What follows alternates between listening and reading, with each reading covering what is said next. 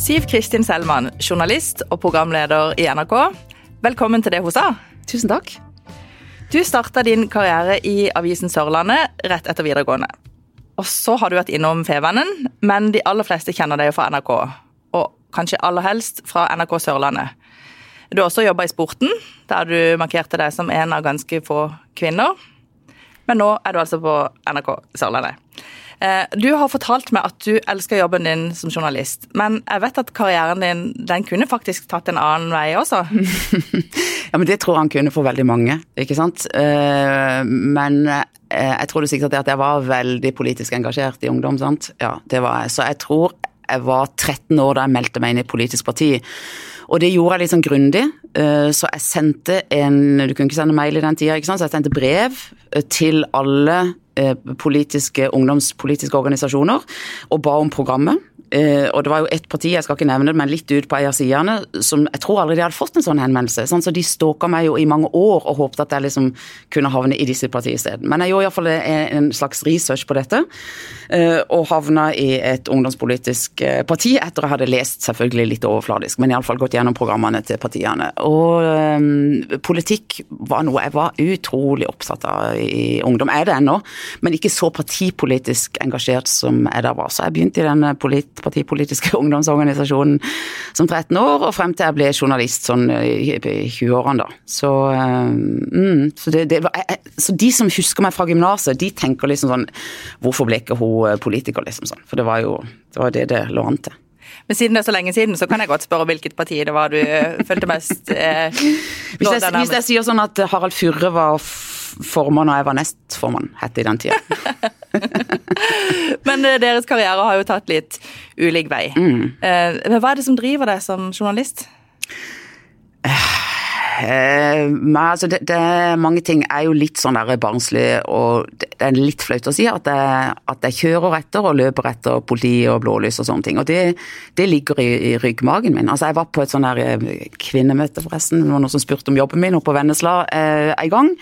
Var ferdig der klokka kvart over elleve, og idet jeg kjører ut derfra, så kommer det tre politibiler med blålys. Og da kjører jo ikke jeg til byen, vet du. Da kjører jo jeg etter de bilene. Og så er jeg jo egentlig veldig redd for politiet. Jeg er kjemperedd for å bli tatt av politiet. Jeg er egentlig redd for å bryte loven. Eh, så jeg tenkte, nå kjører jo jeg langt over fartsgrensa for å følge etter tre politibiler inn i skauen. Jeg vet jo ikke hvor de skal engang. Det, det kunne jo vært psykiatri, det, kunne, så det er ikke sikkert det var en sak som jeg liksom kunne ha Men så til slutt så snudde jeg da og skjønte at jeg kan ikke, kan ikke kjøre så fort. Men, men, det er sånn som jeg egentlig syns er litt flaut at jeg gjør. Uh, jeg syns det er litt morsomt å si det i ettertid, for det er liksom sånn ja, men hvor gammel er du? Kjører etter politibiler. Men det gjør jeg. Eller når jeg er på hytta på sjøen, så, så, så tar jeg båten når jeg ser et helikopter og tenker det, det, skjer noe. Så er det kanskje bare noen som skal løfte noen planker opp på ei hytte. Så det er jo litt flaut. Uh, så det er liksom å være der når det skjer nå, det, det, det driver meg veldig. Men så er det jo det store journalistikken det er jo å formidle historier. Å treffe mennesker og løfte frem historiene de sine. Eh, og det er jo derfor jeg aldri sånn Så jeg har vært litt vaktsjef, og, men det passer ikke meg å sitte på en pult og administrere ting. Altså jeg må være Det, det er yrk, altså journalistikken som er det, det, det er derfor jeg driver med dette.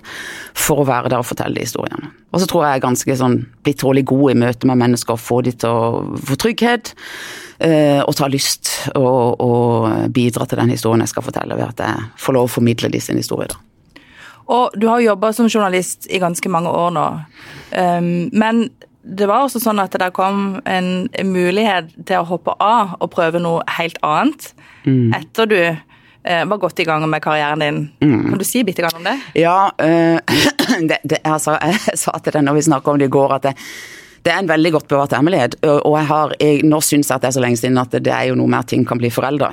Men jeg ble tilbudt en stortingsplass. Altså en første altså, Toppen av ei stortingsliste. Etter en veldig profilert uh, sørlandspolitiker som, som, som skulle slutte på Stortinget. Uh, og jeg husker han som ringte meg, han sa uh, ja, hei, det var sånn og sånn. Uh, sitter du eller står du? Så sa jeg nei, jeg står. Ja, men da må du være så snill å sette deg. For nå skal jeg spørre deg om noe som er litt sånn og det er klart at når du da har en sånn Jeg vet ikke om jeg hadde en politikerdrøm, for da hadde jeg jo gått for politikken når jeg var ung, eller da jeg var ung. Men da, da, var jeg sånn jeg vel kanskje i midten, slutten av 20-årene, da jeg ble spurt om å hoppe av journalistikken for, for å komme på Stortinget.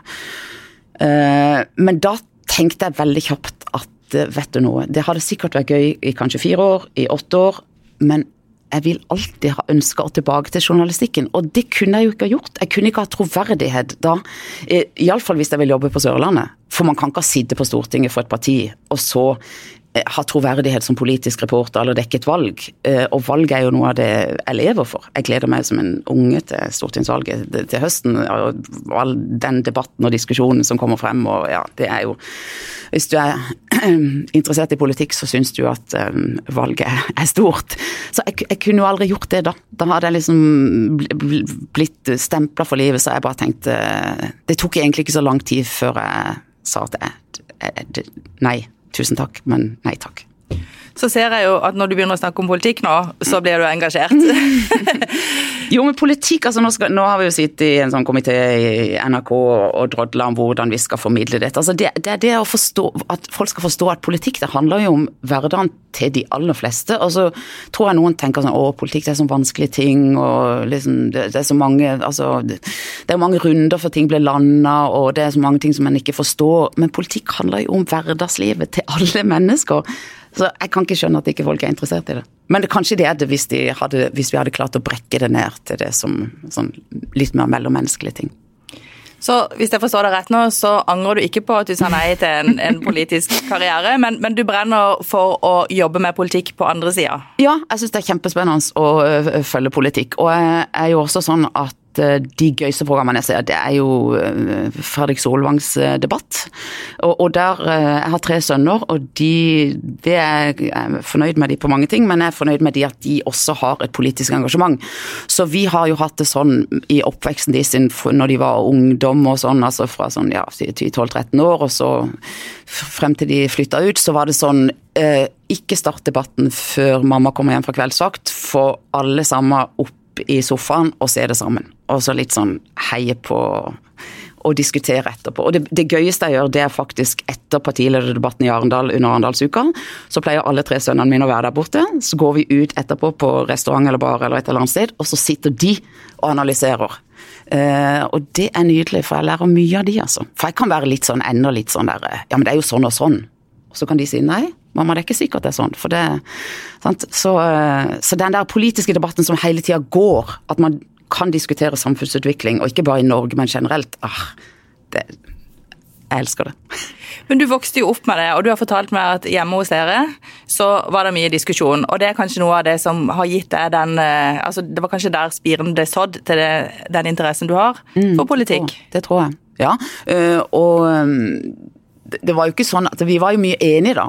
Med min far. Min far var jo uh, samfunnsengasjert og, og, leste mye sånne uh, kronikker over folk mente og sånn, og, og de drev han og meg og diskuterte. Uh, han døde dessverre litt for tidlig, sånn iallfall i, i midten av 60-årene, men jeg savna det veldig når han var borte, å kunne ringe han og liksom hisse meg opp på en sak. Liksom, har du hørt at Altså, det er jo sant, altså det, det engasjementet, ikke bare sånn likegyldighet til det, men litt sånn ja uh, ha noen å Å bryne deg litt på? Ja, rett og slett. Uh, men jeg føler meg heldig som har mange venner som er interessert i å diskutere. Det er livsfarlig å havne i sånne miljøer der alle er enige med hverandre. Altså, det var jo litt sånn i ungdommen. Hvis, da, var, da, trodde en jo at verden ble mye bedre hvis alle mente det samme som deg selv. Mm, men det, det gikk jo heldigvis over. Nå syns jeg det er fantastisk å sitte i miljøer der vi kommer fra forskjellige steder, og folk ser på det på forskjellig vis. Eh, det er jo liksom hele gleden med livet å kunne diskutere, snakke om ting. Kanskje ta det litt videre sånn som menneske. Ah, ja, åpne noen dører og forstå ting på en annen måte. Ny måte. Men du har flere ting å takke faren din for, fordi det var faktisk han som ordna den første jobben til deg, og det syns du nesten var en litt sånn flau måte å få jobb på? Ja, det er det. Og det er, det er iallfall flaut eh, sånn sønnene mine som eh, alle holder på med høyere utdannelse og sånn, og de begynner å mase på mamma hvor mange vekttall er det egentlig du har og sånn, og, og det er jo ikke så gysla mange, iallfall i, i sammenheng med hva de har og får. Eh, men jeg hadde jo lyst Jeg tenkte litt på jus, jeg tenkte litt på statsvitenskap etter jeg var ferdig på gymnaset. Men da hadde jeg møtt mannen i mitt liv som jeg ennå er sammen med, og er veldig glad for at jeg er sammen med. Så jeg hadde ikke lyst til å flytte på meg. Sant? Jeg hadde lyst til å bli Kristiansand, uh, og det var da min far kom på banen og sa men vet du, du må jo bli journalist. Du er jo lagd for å være journalist. Uh, for jeg drev jo og skrev stiler for alle. Altså sånn, Det kan komme folk på byen til meg ennå og takke meg for stilen. Jeg husker ikke at jeg skrev den for dem, men det gjorde jeg. skrev for alle som ville ha, skrev jeg stiler. Det var mange vanskelige temaer, politiske temaer, det var liksom sånn utviklinga i Polen, og det var Jeg skjønner ikke at de kom unna med å levere de stilene. Men hvis jeg bare kunne sitte og skrive stiler om politikk, så var jeg kjempefornøyd. Så det var mye av min ungdomstid. Så var vel det min far liksom så da at det, Og jeg hadde ikke tenkt på det. Så sa han Han var en sånn fikser. Sånn ordna mye. Så han kom og sa at du har ordna et intervju nede på Sørlandet, så du kan gå ned der og treffe redaktøren. Så jeg bare ok. Kom ned der og traff redaktøren. Og så sier han til meg ja, men det er greit, gå ut og skriv to saker, du, og så leverer du bilder til de. Så kom jeg tilbake og så sa han det er greit, du har jobb. Det, og det er jo flaut i dagens perspektiv, for det burde jo egentlig ikke gått. Sant?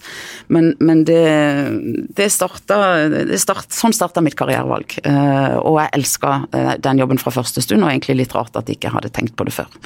Og så gikk ferden videre til Feven, og så gikk jeg på Gimlekollen mediehøgskole innimellom der. altså Jeg gjorde det, og jeg tok noen fag på Agder distriktshøgskole, som det het den gangen. Så, så jeg, klar, jeg, klarte å karre til meg noe vekttall. Men, uh, men når jeg da fikk jobb i NRK, vet du, så var det altså da gikk det i et bankakjør. Det var ikke, kunne ikke hoppe da og si at men du, jeg skal vente litt, jeg må bare ta en master. Det, det gikk jo ikke. Men jeg har lyst til å høre litt mer om hvordan det var da du kom til NRK. Mm. Eh, og du jobba jo i sporten. Det var jo ganske mannsdominert på den tida, selv om det også var noen andre kvinnelige profiler. Men eh, den første dagen du skulle jobbe med tippekampen, var det det? Ja. Hva skjedde da? Nei, det var altså aller første dagen Jeg tror nok kanskje jeg hadde sikkert vært der et par dager før i TV-sporten. Det var jo Karen Marie Ellefsen, Rita Morvig. Det var ikke, det var ikke kvinner der. Altså Kvinner var ikke journalister i TV-sporten den gangen. De, de gjorde ofte andre ting. Uh, og så husker jeg at den første jobben jeg fikk, det var å lage et resymé av tre-fire forskjellige engelske fotballkamper. Og jeg hadde vært interessert i engelsk fotball fra jeg var liten. Altså Queens Park Rangers-fan og ja, i det hele tatt. Så det var ikke sånn at jeg egentlig ikke hadde peiling på fotball. Men dette var før Google likevel, så jeg kunne ikke bare gå inn og google hvordan de tingene gikk. Så jeg visste ikke hvor jeg fant informasjonen om de kampene jeg skulle kommentere. Jeg visste ikke hvordan jeg fant bildene. Og jeg, jeg kan ennå kjenne på den der litt sånn svett altså oppi nakken her og litt Når jeg husker så godt den opplevelsen i der jeg går bort og stiller spørsmål til en veldig profilert kar i TV-sporten, det var ikke Kjell Kristian Rike og det var ikke Arne Skeie, men en som var godt kjent. Hvordan gjør jeg dette? Og sånn jeg husker at han bare snudde seg bort ifra meg og gikk. Som en slags sånn protest på at jeg er ikke egentlig så veldig interessert i å hjelpe deg. Hva tenkte du da? Altså, det er jo en lammende følelse, for jeg visste jo ikke hvor altså det, Du vet jo deadline. Det var jo ikke sånn at jeg hadde ei uke på dette. Det var jo nå. Altså, det var jo liksom en time til sending, og jeg skulle redigere sammen noen bilder og gjerne si noe som var fornuftig.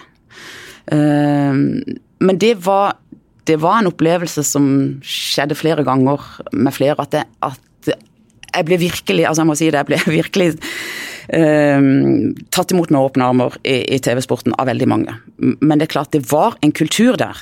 Uh, som jeg fikk virkelig smake som relativt ung jente. Uh, under 30 år, og så skulle inn der og så ha litt sånn topposisjon, da, i den forstand at jeg skulle fronte ting, sitte i ruta og snakke om ting. Jeg husker jo f.eks. at jeg ble jo intervjua i veldig mange aviser og ukeblader. og Jeg skulle i TV-sporten og skulle fronte OL. Og så mange ganger, og også fra den avisen som du representerer. Når jeg skulle bli intervjua, så var det sånn Du, nå har jeg lagd ti spørsmål her om noe sport. Vi tar de første, bare. Liksom sånn. Hva er det? At menn på en måte skulle sjekke meg hvor mye jeg kunne. Altså, jeg fikk jo ikke jobben i TV-sporten fordi jeg kunne rundetider på skøyter. Det, var ikke det jeg hadde gjort i ungdommen, og notert på de. Jeg fikk jo jobben i TV-sporten fordi jeg var formidler, fordi jeg kunne journalistikk. Så, så, akkurat som menn var litt sånn der Altså, hva skal vi med jenter i dette her? Ikke sant? Men måtte du egentlig levere litt ekstra? Ja, det tror jeg. Det tror jeg at man måtte. Men så var det jo veldig mange menn som syntes at det var stas at det også kom kvinner inn. Det var jo altså Kjell Kristian Rike da, som, som virkelig tok meg under sine vinger og lærte meg mange ting og sørga for at jeg ble og, og løfta meg frem. Altså sånn, som, som, han var jo så voksen at han sånn sett kunne hatt gamle holdninger til dette, men, men, det hadde han ikke. Sånn, så, så det, det, var mye positivt det også, men jeg tror nok det, altså det er ikke noe tvil om at uh, jeg som jente måtte jobbe hardere for å, uh, for å få aksept. Og heldigvis så er det ikke sånn i dag. Men det har nok gjort at jeg har blitt bitte grann hardhudet på noe. Mm. Forrige uke så deltok vi sammen i en debatt eh, mm. i regi av Senter for likestilling på UiA. Eh, og Da sa du at da du jobba i NRK, og kanskje helst i din tidligere karriere, så hadde du egentlig vært gjennom hele spekteret av opplevelser. Alt fra hersketeknikk til å bli dulla med. Mm. Hva gjorde det med deg, og hva var det du opplevde? Jeg tror at jeg måtte få det litt på avstand før jeg klarte å se det litt ordentlig. For når du står oppi ting, så tror jeg kanskje ikke at du evner å se det på samme måte. Og noen av de tingene som jeg i ettertid har tenkt at å, oh, det var ikke bra. Vi har snakka sammen, det var mye metoo. ikke sant? Vi vokste opp i en tid da det var altså, det var sånn menn kunne oppføre seg mot kvinner. Så tror jeg at det måtte komme på avstand før en så at å ja, jøss, det var jo virkelig ikke bra. Eh, og mange av de tingene som jeg følte jeg opplevde som ikke var bra, spesielt da som eh, relativt ung kvinnelig journalist i de sammenhengene, det, det ble, måtte jeg først bli voksen før jeg kjente at jeg fikk at jeg ble sint for at jeg hadde måttet gå igjennom. Så Altså, Nå glemte jeg egentlig litt hva du spurte om, for nå surra jeg meg inn i Nei, Du, du opplevde ja. en del ting da du jobba i NRK, kanskje helt i starten, og du har også ja. opplevd noe seinere, vet jeg. Men, ja, da. men, da du begynte, eh, altså da du var ung og uerfaren mm. eh, i, i, jobblivet, eh, hva var det du opplevde da som du syns, når du tenker tilbake på det, at det ikke var OK? Nei, altså det er jo litt sånn skille her, men, men siden jeg begynte å bli profilert, uh, så um, så ble jeg jo intervjua av altså, du, du, du, ble, det, du, ble, veldig synlig, ikke sant? Du ble veldig synlig, og det var det jeg skulle si. at det, jeg tok ikke selv et valg om at jeg skulle på TV. Altså Det var min eh, tidligere sjef Bjørn Rygg som bare bestemte, bak min rygg, eh, at jeg skulle på TV. Han bare plukka meg ut og sendte meg gjennom en audition, og, og bops, så var jeg på TV. Det var ikke en jobb jeg søkte på, det var ikke noe jeg ba om. ja. Så jeg følte meg litt sånn uskyldig plassert på TV, hvis du skjønner. Ja, litt kasta ut i det. Litt kasta ut i det. Eh, men samtidig så var det ikke sånn at å, jeg hater dette, vær så snill, ta meg bort ifra det. Det var jo Jeg likte jo jobben min, og jeg følte at jeg håndterte det bra. Og det, ja, det var, det var en fin tid. Men det som er litt rart når du blir profilert, det er at folk tror at de kjenner det. Altså du, de, du får, de får aksess til det. Liksom sånn. De ser det på TV, og det er mye fint med det også. Eh, at eh, folk sitter alene og føler at de kjenner det. Du, du, du kommer på skjermen, og det er liksom sånn Å ja, du, du kjenner jeg jo litt. Men så er det jo den kjipe sida med det. Og det er jo dessverre mye menn da, som ikke helt vet hvordan de skal håndtere akkurat det. Eh, så jeg har jo um, jeg har jo veldig mange opplevelser uh, som er dårlige når det gjelder hvordan menn kan gå over uh, streken. Og det er jo ikke sånn at det heller slutter. Uh, det fortsetter jo, men i en litt annen form. Men altså I dag så syns jeg det er ganske ille å tenke tilbake på hvor mange år jeg levde med frykt. Hvor mange menn det faktisk var der ute som tok fra meg mye av livsgleden ved å gi meg en frykt.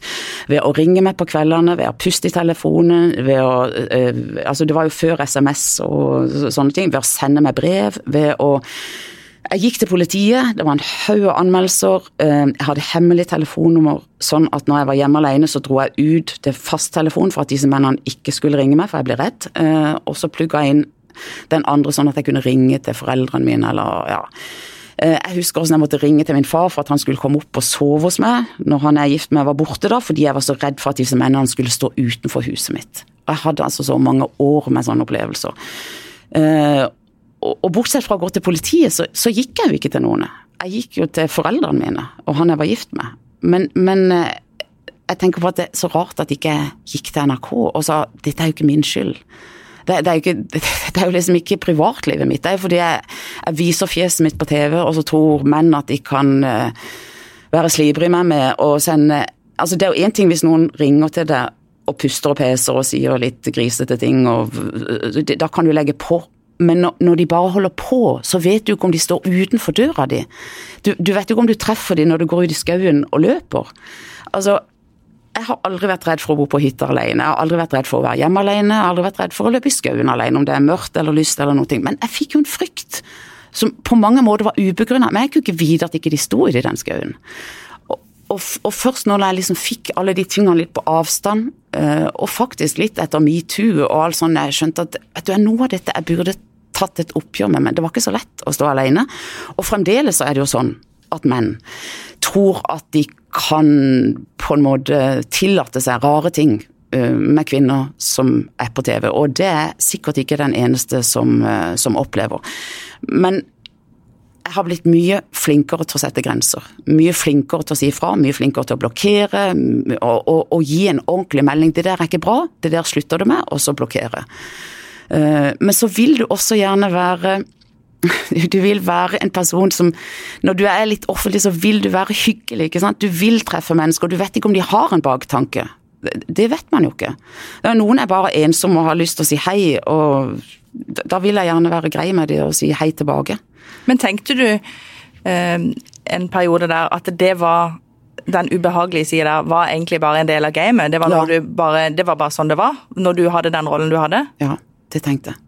Uh, og så, var det, så det ikke så veldig mange år siden at Morten Rød, som er sjefen min i dag, kom med en sånn liste som alle måtte fylle ut uh, om uh, liksom, om du hadde opplevd trakassering, om du hadde opplevd Og når jeg begynte å fylle ut den, så ble det blodrødt. Så jeg måtte gå til han og si du, altså dette er ikke ting jeg opplever nødvendigvis sånn i dag, men jeg har altså en lang liste over opplevelser fordi jeg har hatt den rollen jeg har hatt, og jeg har aldri snakka med noen på jobben om det. Eh, så, så, det var jo dårlig håndtert fra ledelsen i NRK også, men kanskje ikke de tenkte. Kanskje ikke de tenkte at det var sånn altså, Hun er på TV, så det er sikkert noen ekle menn der ute som, som gjør ting de ikke burde gjøre med hun som gjør at hun får et kjipt liv eller har dårlige opplevelser. Det var sikkert ingen som tenkte at det var en mulighet som de måtte håndtere, eller en problemstilling de måtte håndtere. Men det der med å bli fratatt tryggheten, mm. Det er ganske alvorlig, egentlig. Det er en alvorlig ting, mm. tenker jeg. Uh, har du greid å ta den tryggheten tilbake? Mm, delvis, men det preger meg. Uh, faktisk. Og det er noen ganger så tenker jeg sånn Grunnen til at jeg handler sånn og sånn, er for det at jeg har opplevd det. Ser du deg litt over skuldra? Ja, ja, ja, jeg gjør nok det, men så er det det akkurat f.eks. Å, å løpe i skauen. Jeg tror ikke det ligger menn ute i skauen og skal ta meg da, liksom sånn. Men, men, men det, er så, det, er så, stor glede i livet mitt å kunne være alene uh, sånne steder, eller på hytta, uten å tenke at jeg bør være redd for at noen uh, altså Jeg tror alle kvinner har en rettslese for noe sånn, men, men, for meg var det litt mer altså Dette var jo menn som ble anmeldt som politi. Noen tok de jo eh, som, som drev og gjorde sånne ting. Og jo mer profilert du er, jo mer tenker du kanskje at eh, ja, folk vet hvem jeg er, de vet hvor jeg bor, de vet Ja, i dag er det jo ikke så vanskelig å finne ut. Eh, Nei, det, det, er mange ting ja. som ikke, ikke, er vanskelig å finne ut, men jeg tror egentlig ikke at man trenger kanskje å være profilert for å kjenne på den frykten, og det er ganske ille, syns jeg. Eh, at ikke bare i andre land og fremmede kulturer så er det sånn at kvinner må frykte menn. Noen menn, da, for det er utrolig mange bra menn der ute. Men Siv Kristin, du er jo voksen. Mm. Eh, du er trygg på deg sjøl. Eh, du fremstår jo egentlig ganske tøff. Eh, du er iallfall sikker på din egen karriere og din kunnskap, tenker jeg. Hva vil du si til de yngre kvinnene i arbeidslivet som opplever ubehagelige ting? Hvis du skal bruke din erfaring, hvilke råd vil du gi til de? Da vil jeg si at du veldig tidlig bare gi klarmelding om at det er nulltoleranse.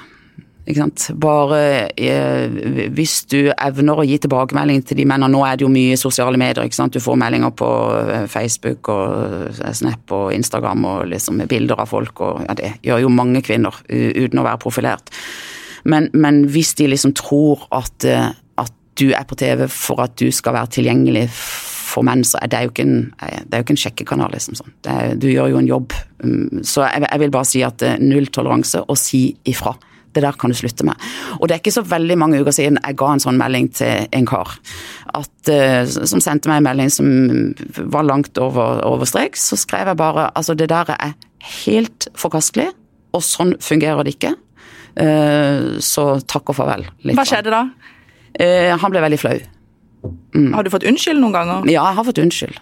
Ja, men det er liksom sånn, skal jeg gidde å ta de kampene òg, da? På alle. For det er jo mange nau der ute, hvis det går an å si det litt. Men har du fått litt sånn hard uh, hud med årene? Ja, det har jeg. Ja, og så vet jeg jo at det er jo en litt sånn jeg har jo gjort meg tilgjengelig på den måten at jeg har, jeg har, jeg har sittet på kveldene og hørt på folk som har ringt til meg som er ensomme, for jeg har tenkt at ja ja, men da skal jeg, det, det, skal jeg gjøre den tjenesten. liksom sånn, altså, Du har sett meg på TV, og Så jeg har, jeg, har, jeg kunne og det er ikke alltid at det har vært uh, at, at, de har gått over streken på det, men, men, jeg har liksom følt at jeg skulle være Altså, det står NRK i panna mi, sant. Jeg, jeg vil gjerne at det forplikter litt? Ja, jeg vil være grei med folk. Hvis jeg vil spille inn video til bursdagen de sin og gjøre sånne ting de spør om for, fordi at de føler at de kjenner meg. Men så er det ikke så lett å vite når Oi, nei, dette er en som tar det lenger enn jeg, enn jeg hadde tenkt. Og det er jo ikke bra.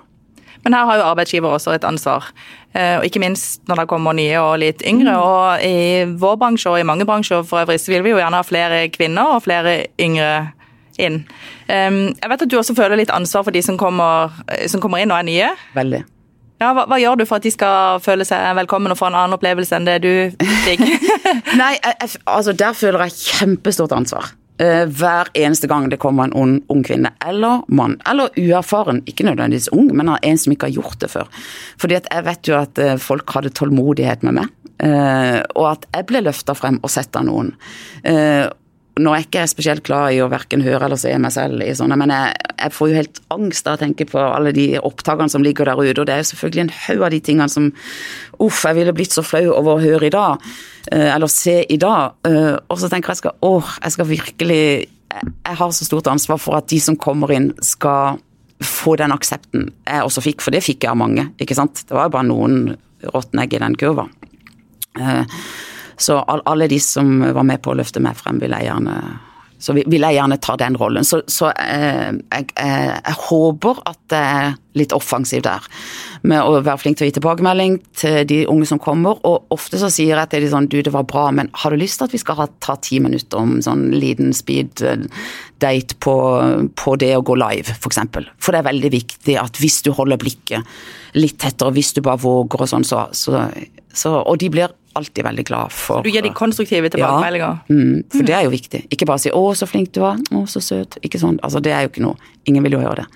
Eh, de vil gjerne høre du var flink, eh, men har lyst til å bli enda litt flinkere hvis du for, for du vet jo at du er usikker hvis du begynner et sted og skal gjøre noe helt på starten av, så er du jo litt sånn 'oi, var dette bra nok'? Ja, som regel er det bra nok, men hvis du neste gang skal gjøre det, hvis du blir enda Altså, vi blir jo aldri flinke nok, noen av oss. Vi må jo hele tida hver eneste dag strekke oss etter å gjøre ting enda bedre.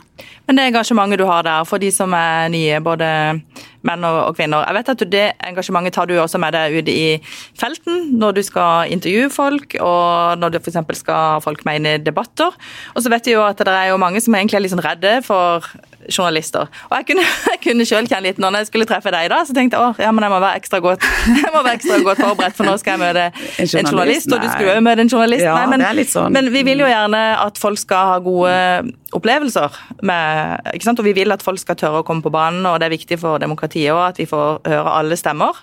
Eh, og ikke bare de som søker oppmerksomhet sjøl, eller de som er tøffe i utgangspunktet. Så hva gjør du for at vi skal få flere eh, stemmer inn, og for at de skal ja, slippe til ordet? Det er et veldig sterkt mandat i NRK nå om å få flere kvinner, det har det vært lenge. Eh, flerkulturelle og unge mennesker.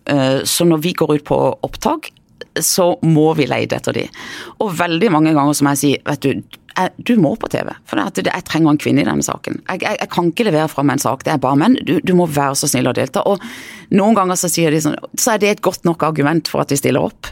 For det er jo ikke alltid så lett å få folk, iallfall i på TV. Sant? Og kvinner har ofte en grunn for sånn nei, og jeg har ikke striper etter veksten, og jeg har ikke nupp av brynene, og nei, jeg er ikke fint nok kledd i dag. Ikke... Så mange grunner til at de føler at ikke de skal stille opp. Menn er ikke så nøye på det. De er ikke så redde, de kan snakke. Mens det er mye vanskeligere i mange sammenhenger faktisk å få kvinner til å delta. Så uh, jeg, jeg, jeg, gjør mye for å prøve å få kvinner med. Uh, og så, driver jeg jo også litt sånn, det er ikke sikkert at det er helt sånn stuereint journalistkrets, journalistkretser, men jeg, jeg, prøver jo å drive litt medierådgivning i den forstand at hvis du bare sier det sånn og sånn, eller vet du nå, nå tar vi det så mange ganger til at du er fornøyd. Eller som jeg sa til en jurist en gang vi holdt på med en straffesak som hun var forsvarer i, og var veldig usikker. Så sa jeg du har syv års utdannelse i dette, altså du er kjempegod på jussen. Eh, jeg kan lite om ditt fag, eh, akkurat som ikke du kan så mye om mitt. Hvis vi jobber litt sammen nå, du finner ut hva er det viktig for deg å si, eh, og jeg finner ut hva jeg kan stille spørsmål om, og så tar vi det til du er ferdig tror hun var veldig glad for det. Og det, det blir bra til slutt, ikke sant. Eh, så det er jo ikke sånn at alle de du går ut og treffer, de skal du naile. Skal du, du skal liksom sånn ta de, det er jo ikke det vi holder på med. Ofte går vi ut for å møte det vi kaller keiser, noen som skal belyse en sak. Eh, og da vil jeg gjerne at de skal få trygghet for at jeg håndterer det bra, og at ikke de må svare på så mange vanskelige spørsmål. Så vi har et ansvar, vi journalister, å gjøre folk trygge også. Og at ikke de skal tro at vi bare er ute etter å Ja, det er jo ofte det vi får høre. Så dere er bare ute etter det dårlige. Dere skal bare ha en sak som liksom en dårlig Altså vinkle det på en måte ikke vi liker. Nei, vi skal ikke alltid det. Det er ikke sånn det Men i hvilke situasjoner er du sjøl nervøs? Mm, ja, vet du, det, det, er litt interessant. fordi at eh, det er noe som jeg sier til de unge at vær forberedt, og det skal jeg si, det lærte jeg så i TV-sporten. Jeg tenkte sånn at jeg kom inn der, og disse eh, kvinnene og mennene de var så drevne, og de Men hvis det var noe jeg lærte der, de forberedte seg. Noe så veldig. Altså, det var å lese seg opp til hver eneste eh, sportsbegivenhet man skulle på. Og det er jo noe jeg vet nå, at hvis jeg er godt forberedt, så kan jeg nesten snakke om hva som helst. Hvis jeg står der ute uh, i en eller annen sammenheng og skal gå live, så kan jeg egentlig snakke ganske lenge, hvis jeg bare kan litt om det jeg skal si. Men det som gjør meg nervøs, det er at når jeg kommer ut og ikke kan noen ting, altså ikke har klart å rukke å skaffe meg informasjon, for da blir det jo bare å uh, Altså, du må, du må ha bitte grann å si, og helst litt mer enn det det trengs for å kunne svare. Så det er det jeg sier. Bare skaff deg litt kunnskap. Ikke vær så opptatt av sånn der uh, å notere ting i ei bok. Det er ikke bra når du står ute på en live og så liksom må lese fra ei blokk, men, uh, men ble, bli, altså les deg litt opp. Vær litt klar over hva du skal snakke om, og ikke, ikke bry deg om de vanskelige ordene og de lange uh, Altså, å, å huske navnene på folk, det kan jo ta så mye energi fra noen. Så ikke tenk på navnet. bare bare kutt ut og bruk navnet på den du skal intervjue, og bare tenk at du skal kunne noe om saken. Men nå snakker vi om når man går live, da.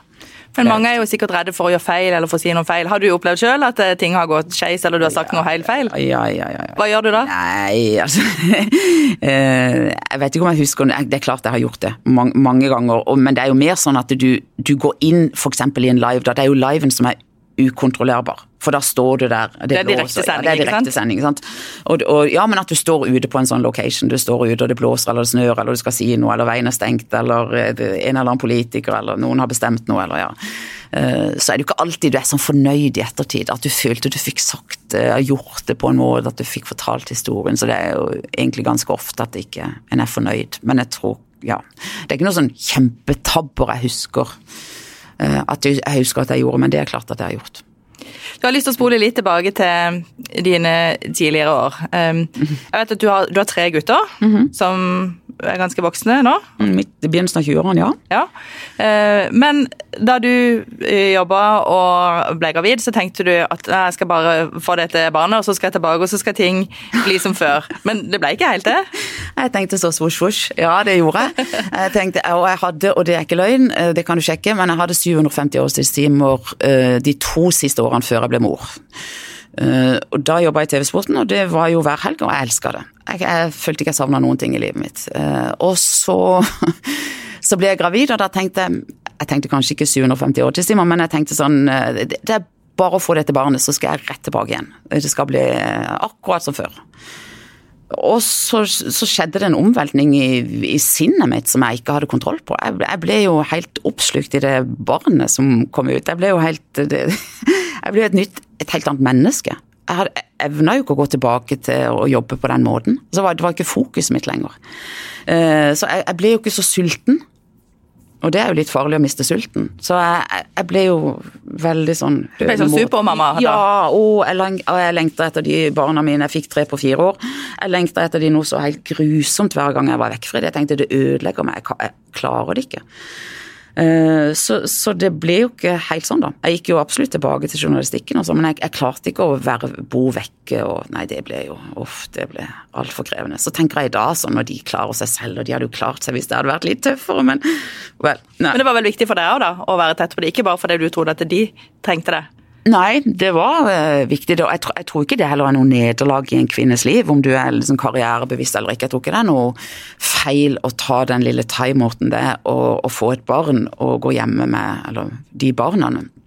og sørge for at de får en god oppvekst. Og jeg skal si det skjedde mer i det skjedde mer i gaperhuken min enn i den til barnehagen. Vi, vi, vi herja rundt, så det var ikke noe Det var ikke, det var ikke et rolig liv å, å, holde på med barn. Uh, så, men, men, det var noe som jeg da syntes var viktig og verdifullt. Og så, så kommer jeg tilbake igjen. Men det er, mulig, det er mulig jeg misforsto deg litt på noe du sa i den praten vi hadde i forkant. Men du sa at du kunne jo også bare vært en super husmor. Ja, ja. Ja, altså, jeg, ja men det er ikke tull. Altså, sånn, hvis det er noe jeg er skikkelig god på, så er det å være husmor. Det er ikke kødd. Uh, jeg elsker å lage mat, jeg elsker å rydde hus. Jeg liker veldig godt å stelle for folk. Og jeg baker Altså ja, det syns jeg er nydelig. Men men det er jo ikke sånn at jeg ikke kan gjøre det fordi om jeg jobber. Jeg kunne jo ikke gått hjemme og surre et hus. Det er ikke det jeg sier, men jeg er ganske god på sånn husmorting. Og jeg liker husmorting. Altså, jeg liker å vaske gulv. Jeg vet ikke om det er feil å si en sånn kvinnepodkast, men det er Så heldig du er. jeg, jeg, synes, nei, er, jeg tror på gamlehjemmet så tror jeg at jeg kommer til å vaske mye gulv, og så tror jeg jeg kommer til å bake en del boller. Det tror jeg, det, er jeg, Da er jeg blitt dement, ikke sant, så da gjør jeg sånne ting. Så da det tror jeg det jeg kommer til å gjøre. Det som er bra da, er jo at da har du jo ei kokebok som du kan skrive så du finner oppskriften. For du har jo gitt ut eh, kokebok også. Mm. Det var liksom overskudds eller sånn, altså, jeg, Det er ikke alltid at NRK klarer å slite meg ut, ikke sant, så må jeg finne på noe i tillegg. Så det var da min eldste sønn skulle reise på universitetet, så tenkte jeg guri land, han må jo ha med seg noen oppskrifter fra mammaen sin. Da gjorde du det skikkelig? Ja, da gjorde jeg det skikkelig. Så da brukte jeg faktisk tre somre på å lage den kokeboka. Så, mm, nei, så det, det, var et veldig gøy prosjekt og supermange gøye tilbakemeldinger. Og så er det litt sånn at hvis jeg kommer hjem fra jobb litt kokt i hodet, og det tror jeg mange av oss eh, blir uansett hvilken jobb vi har, ikke sant, at vi er litt sånn ja, det har sugd mye ut av, så får jeg veldig energi av å eh, trene, men også av å lage mat. Dille med noen nye cookies-oppskrifter eller lage noen nye retter, eller ja. Det gir meg veldig overskudd å stå på kjøkkenet. Og det tror jeg jo mange liker. Vi er jo heldige. Jeg mener, tenk vi kan fråtse i all verdens råvarer og bare lage alle Og jeg gleder meg til påske, jeg skal lage masse forskjellig mat. her. Ja. Og så er du jo veldig glad i sjømat, og jeg vet at eh, noen av bildene i boka di annet er tatt fra eh, landstedet ditt, eller hytta di, mm. i, i Blindleia. Eh, og du er jo eh, eh, veldig opptatt og engasjert i dette som er da Blindleia-løpet, og det er vel en måte du kobler av på? Ja, det starta jeg sammen med en tidligere kollega, Stein Otto Dortan, og så har jeg drevet det nå i snart eh, Ja, det tar mye tida mi, altså. Det gjør det. Hva, hva er dette løpet, da? Det, det, er, det, er, Norges største kajakkløp, og det var det fra dag én. Eh, det starta i 2005, eh, og jeg har sagt at jeg skal holde på i 20 år. Men nei, det snart, jeg vet ikke om jeg orker. men det det er jo alt drevet på frivillighet, men det var også litt sånn for at ungene mine skulle ha noe gøy om sommeren. Og så tenkte jeg sånn nei, alle, vi, vi, trenger en plattform vi som, å møtes på, vi som er sommergjester og de som er fastboende. Eh, og kajakkløp Jeg har drevet med kajakksport, da. Drevet og padla kajakk aktivt. Så, så jeg tenkte nei, det gjør jeg. Og så så ble det en suksess fra dag én. Men det er klart at alle sånne ting koster å vedlikeholde. Så det, hvert eneste år så koster det å dra i gang et kajakklubb med 300 deltakere og et svært støtteapparat. Og heldigvis har jeg med meg fantastisk flinke folk frivillig fra, fra Lillesand, men eh, jeg bruker mye av tida på det, altså. Så, men det gir deg mye? Det gir meg mye. Og så er det sånn frivillig arbeid, ja. Altså, eh, kan liksom, det kan jeg gjøre uten at noen i NRK sier at du har ikke lov til å gjøre det. For det, det er mange steder, det er mange ting jeg ikke får lov til å gjøre. Ikke sant? Det, men akkurat å drive et kajakkløp på sommeren, det kan jo ikke noen stå Eller lage, altså jeg hadde lyst til å lage en blogg, en, en sånn der uh, matblogg. Men det skjønte jeg at det er jo veldig vanskelig når du jobber i NRK. Men jeg skriver bok, det kan du. Så det, NRK begrenser meg jo også på mange av tingene jeg har hatt lyst til å gjøre. Men å lage et kajakkløp og lage kokebok, det det har jeg fått lov til. Så ser jeg at du smiler masse og hver gang, du, hver gang du begynner å snakke om det. For det er veldig gøy å snakke om. Og så skal jeg spørre deg om en ting nå som jeg er helt sikker på at du syns er litt kjip å snakke om. Mm -hmm. Så du skal slippe å bore i det. Eh, men på vegne av de som hører på, så har jeg lyst til å spørre om hva vi kan lære av det. Og da tenker jeg jo på denne saken som fikk veldig mye oppmerksomhet, eh, med dette korset. Mm -hmm. Og jeg vet at du er kjempelei å, mm. snakke om det. Men du hadde på deg et kors under en nyhetssending. Mm. Det ble masse reaksjoner, og konklusjonen til slutt sånn kort fortalt, ble at du kunne ikke gå med et kors, for du skulle være nøytral som nyhetsformidler i NRK. Eh, det ble jo et vanvittig ståk ut av dette, både i norske medier og utenlandske medier.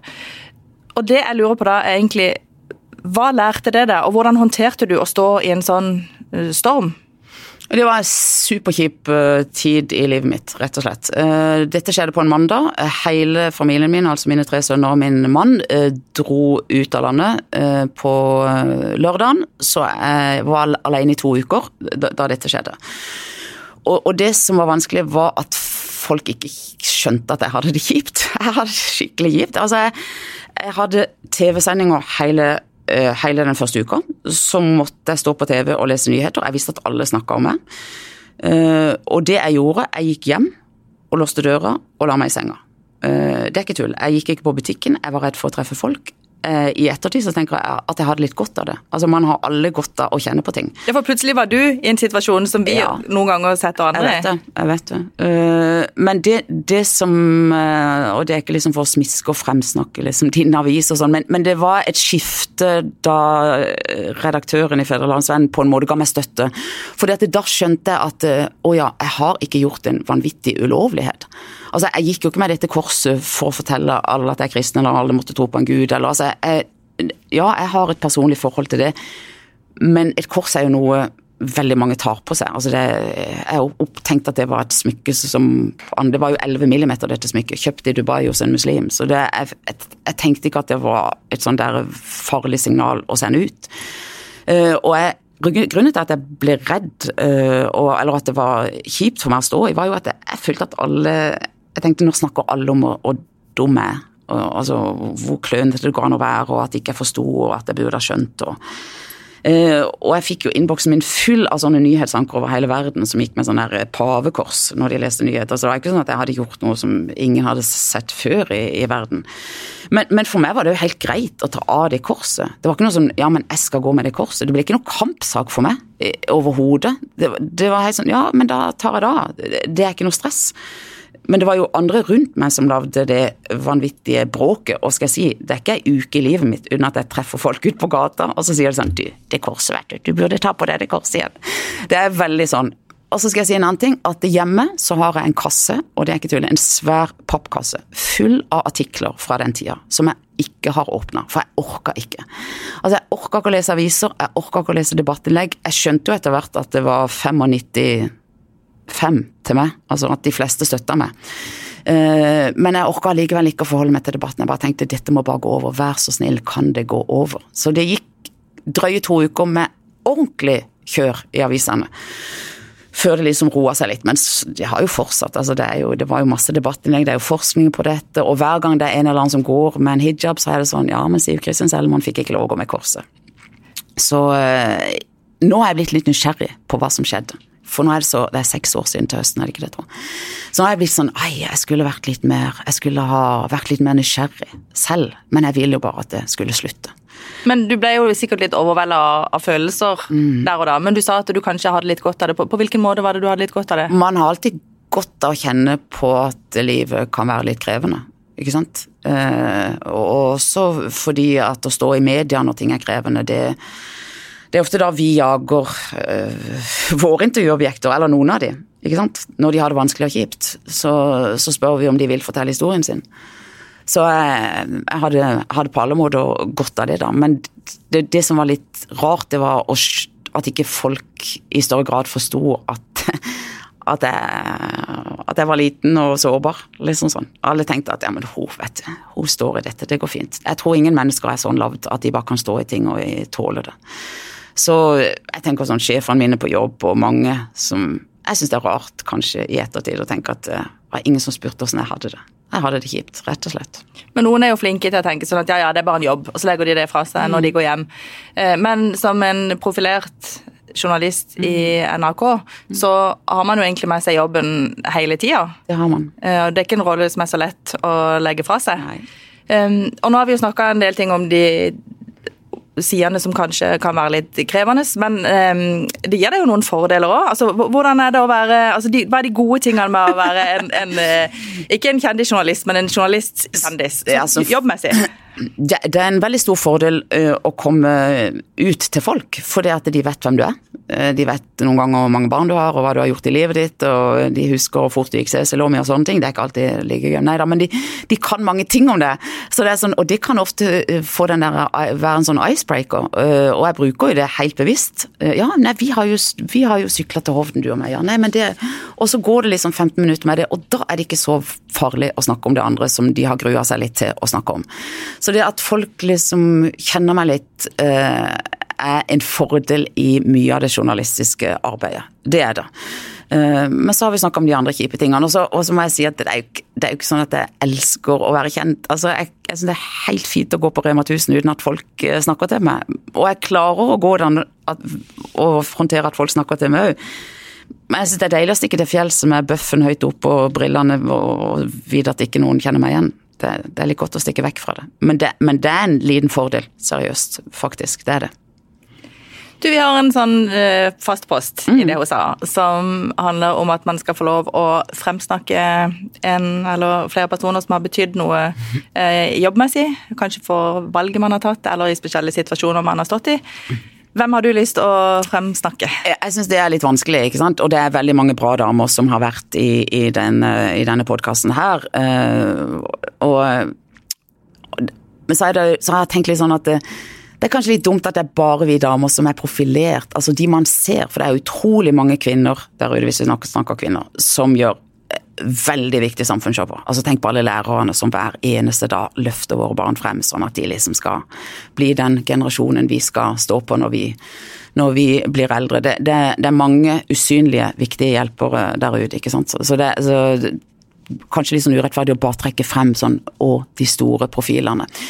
Men jeg vet ikke om de jeg trekker frem kanskje sånn, har betydd veldig mye for meg, men det er kvinner jeg beundrer iallfall. Og det er, sånn, det er lett å beundre mennesker med litt energi. Jeg, jeg liker å omgis mennesker med energi, for da får du mer energi selv også. ikke sant?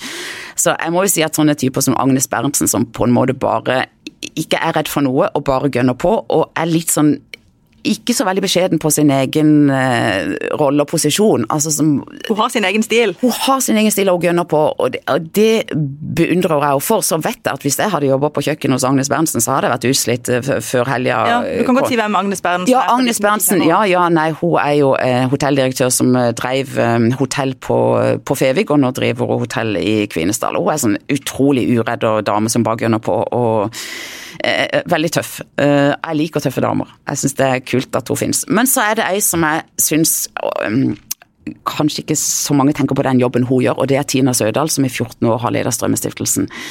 Eh, for hvis jeg skulle jobbe etter hjertet mitt, så tror jeg kanskje at det var det jeg skulle gjøre. Altså Jeg syns hun gjør en, har gjort, for nå jobber hun jo på arkivet, har gått over til arkivet, men ved å løfte frem, eller prøve å jobbe for å utjevne ulikheter mellom eh, fattig og rik, og løfte frem de aller svakeste, altså de som har minst, som lever uh, under uh, fattigdomsgrensa. Det er jo det som er premisset til sånne hjelpeorganisasjoner.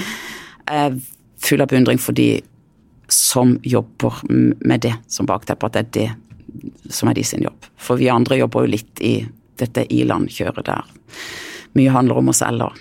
Mm. To bra damer som representerer veldig ulike bransjer. Veldig. Mm. Eh, så skal du også få lov til å komme med noen råd. Eh, det ene rådet det er jo et av de som jeg gir til barna mine, eh, og som de kanskje er litt lei av å høre, men jeg har sagt til de, du må alltid si ja. Du må alltid si ja. Fordi at hvis du går inn i en jobb, du får det gøyere hvis du sier ja, og det, og det er bra å gjøre seg tilgjengelig for sin arbeidsgiver og si ja, men jeg er klar til å jobbe. Så noen ganger så møter jeg jo det, får jeg jo den litt i fleisen. Altså jeg var, skulle på båttur i høst og hadde pakka piknikbagen, og jobben melder kan du gå på jobb, det var en søndag. Jeg hadde altså så lite lyst til å gå på jobb, og jeg sier nei, jeg tror jeg sier nei. Og så sier min yngste sønn mamma, du kan ikke si nei. Du sier jo til oss vi alltid må si ja, du må gå på jobb. Ja, men nå har jeg jobba så mye. Nei, det nytter ikke. Nå går du på jobb. Så da gikk jeg på jobb. Så, eh, så er det ikke alltid så lett å bli oppdratt av sine egne barn, men, eh, men det er et råd som, eh, som jeg syns er viktig. Og så er det det at du må være forberedt. Altså, Du bør jo ikke ha en haug av mastergrader, nå har jo ikke jeg det selv, så det er lett for meg å si sånn, da. Men altså, aldri bli så tøff at du tenker at denne jobben kan jeg. Eh, det er dumt. Det, det, er lurt å tenke at uh, du er aldri utlært til noe. Altså forbered deg på en måte som er levelig, da. Du trenger ikke å lese deg opp på all verdens artikler hver gang du skal gjøre noen små ting. Men ikke tenk at du blir god nok, for det er, liksom, det er en farlig felle å gå i. Siv Kristin Selman, tusen takk for at du sa ja til å komme til Feven og det hun sa. Det var en ære. Tusen takk for meg. Du har lytta til Federlandsvennens podkast 'Det hun sa' med Birgitte Klekken. Har du tips til andre bra damer vi bør snakke med, eller har du lyst til å dele inspirerende erfaringer fra ditt arbeidsliv? Ta kontakt på dethosa1fun.no.